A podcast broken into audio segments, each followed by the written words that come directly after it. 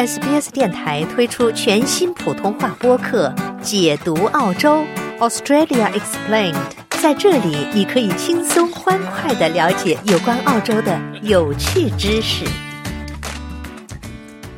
听众朋友，欢迎您收听 SBS 电台的中文普通话节目，我是林默。墨尔本 Fringe Festival 是于十月三日至十月二十二日呢，在墨尔本举行。那 Cross Encounters 呢，是作为澳洲当地的一个跨文化表演艺术团体呢，是即将带着他们富有中国戏曲元素的跨文化肢体剧作品，参与到本次的 Fringe 艺术节之中，为当地的观众呢展现中国传统的戏曲和西方戏剧的魅力。那今天呢，我们是很高兴请到了这部肢体剧的主创人员之一啊，同时呢也是演员之一王鸥 Olivia 来跟我们聊聊这部肢体剧台前幕后的一些故事。王鸥你好，林默你好，嗯，观众朋友们好，我是王鸥。那能不能先跟大家介绍一下即将在 Melbourne Fringe Festival 上演出的这部具有中国戏曲元素的肢体剧呢？它叫什么名字？讲述了一个怎样的故事呢？嗯，好的。就是这个剧的名字叫做《生死之交》，它其实是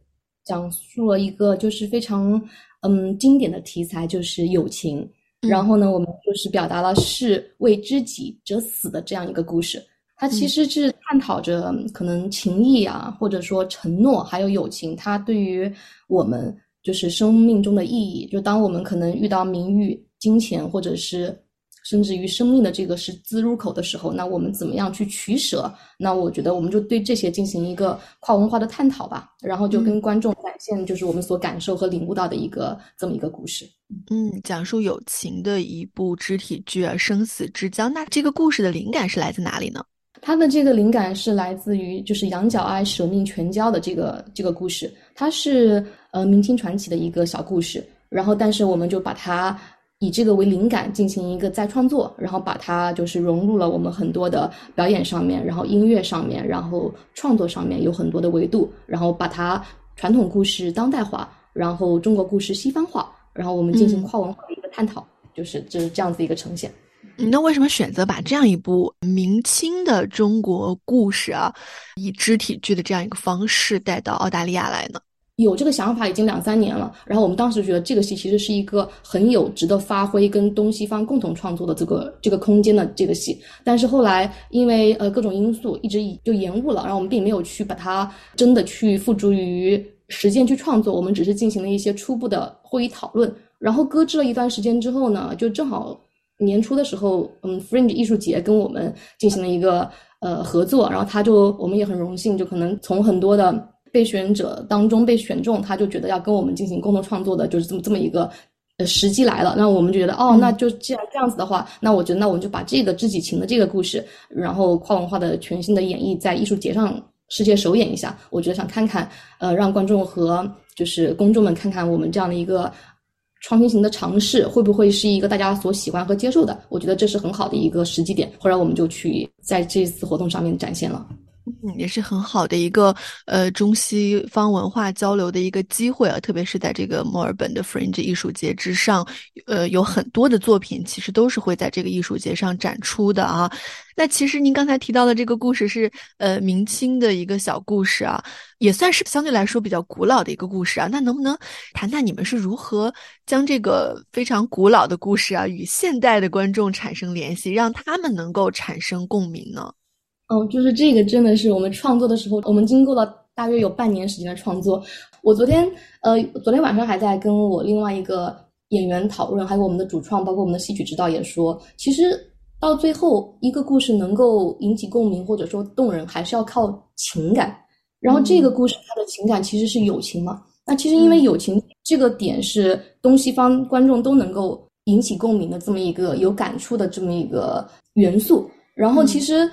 从友情又可以扩展到知己情，然后你有时候也不仅仅说我就只是友情，可能如果你我们说情的话，就是情不知所起，一往而生嘛啊，就是他他一往而生的时候，他就是你可以为这个情去生去死去做你很多自己之前没有想过的事情，然后我们其实就抓住了这一点，然后想说怎么样通过表演上啊，然后融入戏曲啊，怎么样从音乐上啊，能够能够让大家去。就是好听好看的同时，就觉得我们这个戏不仅仅是好听好看，它还是能够勾起我们内心深层次的这么一些情感和故事的这么一些契机和启发点。我觉得如果我们能够做到这一点的话，我觉得我们这个戏就成功了。所以我就觉得这个过程其实是就是因为情感就好像一个灯塔，它也好像是一个那种我们在一直在找寻的一个东西，但是你是不是能够？感受到它，就这这件事情就是非常的玄妙。然后就是因为，比方说我在创作的时候，因为我的搭档是一个本地的男演员，然后我们两个人就是要演绎一段生死的知己情。呃，我是一个中国人，然后那个他是一个嗯澳大利亚人，然后我们两个就在想，我们我跟他之前并没有特别的熟悉，我想说我们如何能够。如果我们两个彼此都感受不到这个知己情的话，我们怎么样才能够呈现给观众呢？就光光这点，我们也就是就是嗯，创作了很久，所以我们其实花了很多的时间，包括我们两个人可能单独见面，然后两个人就是讲述自己的过往，然后呢剖剖析，就是把自己剖开来给给彼此看的时候，光这个就进行了很多次的探讨。然后当我们觉得能够去拥抱过去脆弱的自己，展现给他看，然后完了之后，我们把我们这个私密的这一面再展现给观众看。其实我觉得。这就是我们一直以来想要去探索和突破的地方。就是我觉得如何真情实感的，因为演戏是要真听、真听、真看、真感觉。但是很多时候，我们有时候演了戏多了之后，就喜欢去走流程啊，走流程之后，那个情感就出不来。然后为了如何能够如何能够调动内心真正的情感，我们这个是一个一直需要去探索的事情。所以我觉得演员的互动，还有东西方的跨文化这些事情，都是能够不断的给我们这些创作的。过程给予我们很多的灵感和源泉，所以我觉得这是我们创作的一个呃难点和亮点。嗯，所以是通过友情的这个角度啊，然后与观众产生这个联系，产生共鸣。您刚才也提到了，跟您演对手戏的这位演员啊是当地人，是澳大利亚人。那很有意思的一点就是如何让这个一位澳大利亚人，一位西人去了解羊角哀舍命全交这样一个。呃，明代的中国故事呢，在理解上对于他来说，是不是也有一定的挑战呢？啊，是的，挑战是非常大的。就是其实不仅仅是他，包括我们的音乐家团队也是，嗯，就是一个新晋的琵琶手，中国的一个呃女艺人跟一个本地的一个有经验的吉他手合作的。然后吉他手是本地的，然后他们两个人都遇到这个很大的。挑战，然后我我跟那个女吉他手，我们两个就承担起解说，然后引导，然后互相去沟通的这么一个角色。然后第一步，我们先是跟他们去讲这个故事。然后讲我们两个人的关系，然后讲他这个人物是怎么怎么样。然后第二步就是我们两个共同创作。其实光是跟他让他去理解这个角色，因为后来我一直在想，就是我们也在想，呃，我们就是给他找哪些我们中国传统故事，或者说戏曲，或者说戏剧里面的谦谦君子的形象。他扮演的是一个文弱的书生嘛，他扮演的是左伯桃这个角色，他其实是一个外柔内刚的角色，然后温柔且强大，然后就看似很脆弱，但事实上他非常的有担当。但是他作为一个本地的演员，他理解的那种学者就是那种非常的有智慧，嗯，就非常的呃代表着名望和声誉。然后就是莎士比亚，呃，弗洛伊德。有一次我就给他看那个呃咱们经典的影视形象里的书生，就是宁采臣的这个形象。我说你看看，然后他说哦，这个这个书生怎么这么柔弱的？他就是他这他就是随便谁都可以欺负他。他说这样，他说我是不会演一个这样的角色的。然后我说。柔弱只是表象，呃，内心是很强大的，因为他本身也是外形也是一个非常就是嗯 man power 的这么一个形象嘛。他一直就是有点不能完全的进入角色啊，一直到前阵子就前两次，他有他是有一个道具是有一把雨伞的，然后那个雨伞我们采购的时候是全新的，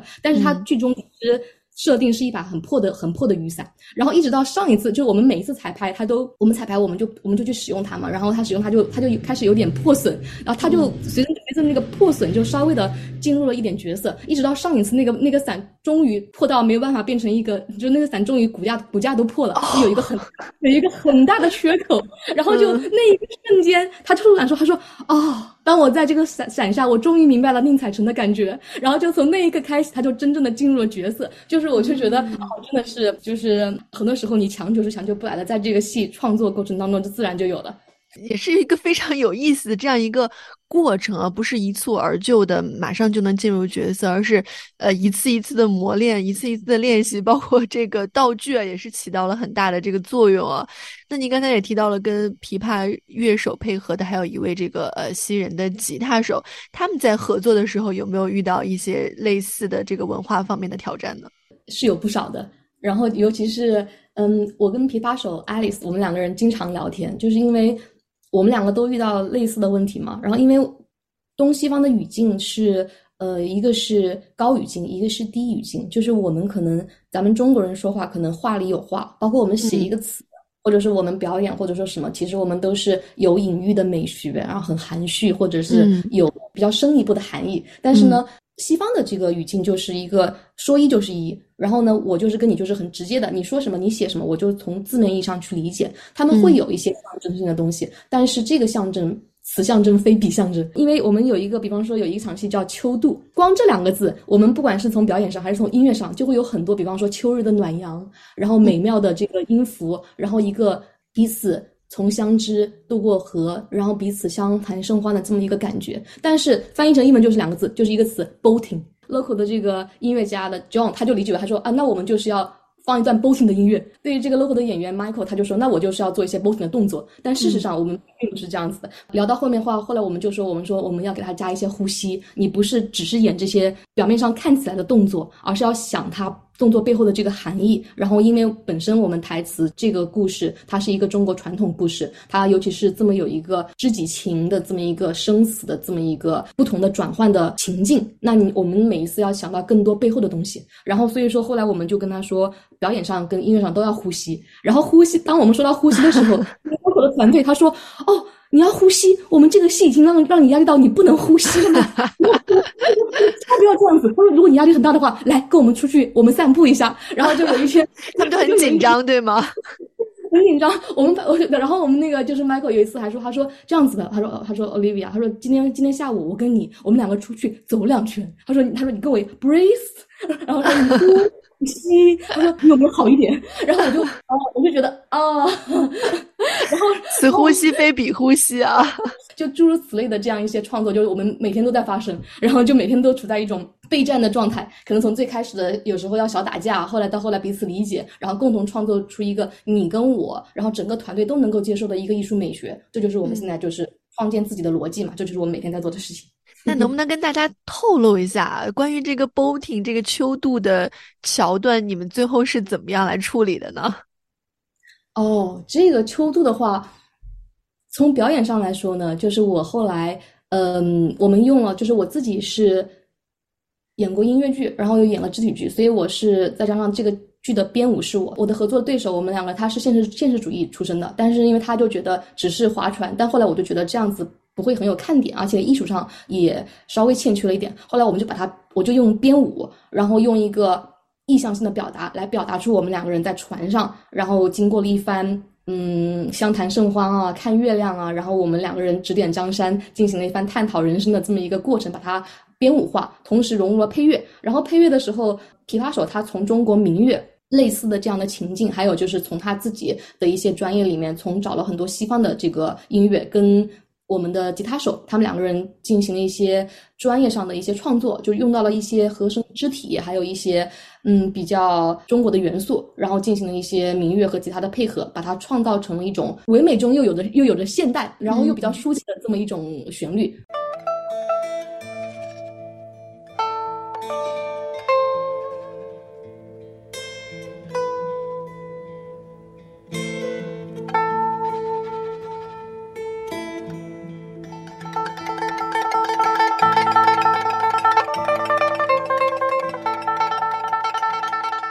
听起来已经是非常有这个画面感了，就感觉加入了这个舞蹈的元素，可能比这个简简单单的划船会更有看头啊。那在这个啊 French Festival 这个活动的介绍中呢，我也看到说这部肢体剧呢是融入了中国戏曲的元素，同时你们也是请到了来自中国的这个戏曲艺术家，呃参与创作表演，能不能跟我们简单的分享一下这位就是戏曲艺术家在这次的这个肢体剧中，它起到的是一个什么样的作用？都有哪些中国戏曲的元素在里面呢？嗯，是的，就是他是呃我的一位嗯戏曲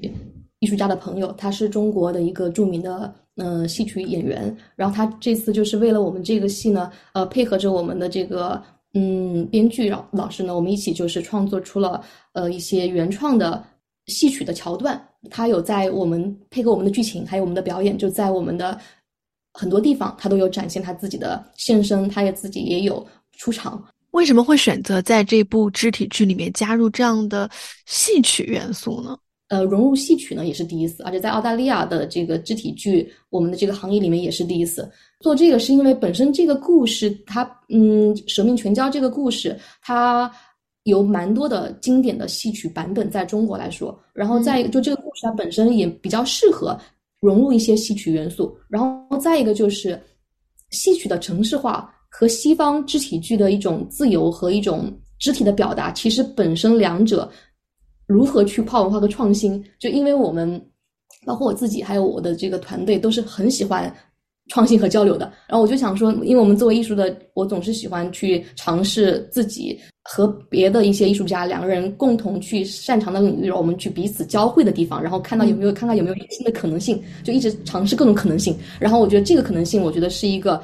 因为我们没有就是之前没有人这样做过，那我觉得那我们就来尝试看看。然后一尝试发现，哎，真的很不错，只是过程很痛苦，但是我们觉得，因为因为这个戏曲是有很多。呃，城市化的地方，从表演上来说，这个城市化，你是指的是就是按部就班的，必须要这样做的这样一些呃程序是吗？嗯，成戏曲的话，它其实从表演上，它的手眼身法步，然后它的一些每一个动作，它都是有严格的规范的。然后你。一步换景，你怎么样一个动作？比方说，你一扬鞭就是十万八千里，然后我一挥手就是怎么样？然后这个包括你唱段就更不要说了。然后，但是因为我和本地的演员，还有我们这个演员的这个团队没有戏曲的背景，而且我们自己也不可能，我们这个也不是一部戏曲戏曲作品，我们是一部戏剧作品。所以说，我们如果说一味的去模仿这些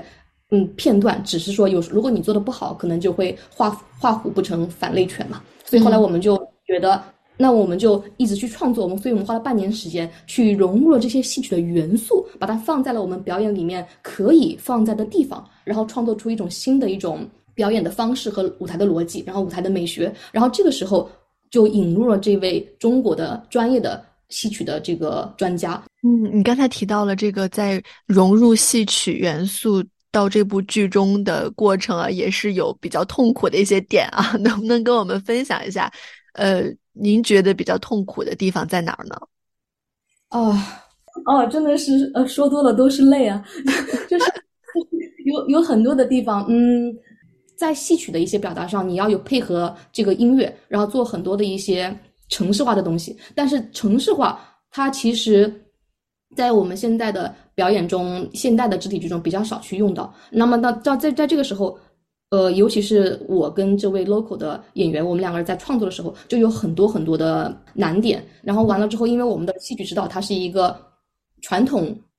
中国戏曲学学院派出身的，然后完了之后，他就说：“他说我希望你们能够呈现到非常好的，从这走到的，能够能够给我一个亮相，能够停住，你们能够给我展现这种戏剧的感觉，然后戏剧的这种舞台的符号。”然后呢，我们就。尤其是这位本地演员，他就一直理解不到。他说：“为什么我从这走到那儿，一定要给我两步？而且为什么我一定要转一个身？”他说：“我就不想亮相。”他说：“我们现实主义为什么要亮相？亮相不是很奇怪吗？你就是刻意看着观众，这个就是太奇怪了。”然后我们就光这个，到今天我们还在探讨。我觉得观众也可以期待一下，到底我们最后在那个舞台上的时候呢，就是到底在最后会是一个什么什么样的一个效果？到最后，我觉得呃比较好的一点是我们两个人。包或者说我们这个团队，其实经过了这么长时间的磨合之后，我们其实是有彼此理解的，还有信任的。然后我们其实是有一套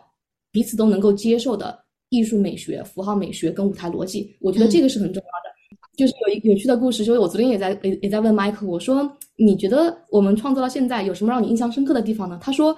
哦，虽然我们有很多很多的挑战，但是我印象最深刻的就是，你知不知道，你是一个羊角癌，你是一个舞剑的侠士，我们两个有很多你在我身边舞剑的镜头，你知不知道，很多次你的剑离我的脸只有零点零零一公分。他说你好几次差点就戳到我，我当场你要是戳到我，我的眼睛就瞎了。但是我非常信任你，他说我就感受得到，他说其实只要我们彼此信任，我们两个共同知道我们这个团队要表达什么。观众就是也能够跟着我们进入我们这个情境，我觉得这样子我们就算是我们交到一个比较好的答卷了。嗯，当然最后效果是怎么样，我觉得就是也请观众来评判吧。嗯，那最后能不能简单的介绍一下墨尔本 Fringe 艺术节是一个什么样的活动呢？好的，就是 Fringe 艺术节应该是一个有几十年历史的一个非常主流和传统的一个。其实它在它刚成立的时候是一种先锋边缘性的一一个艺术节，但是它现在随着这么多年的发展，它已经成为一个非常，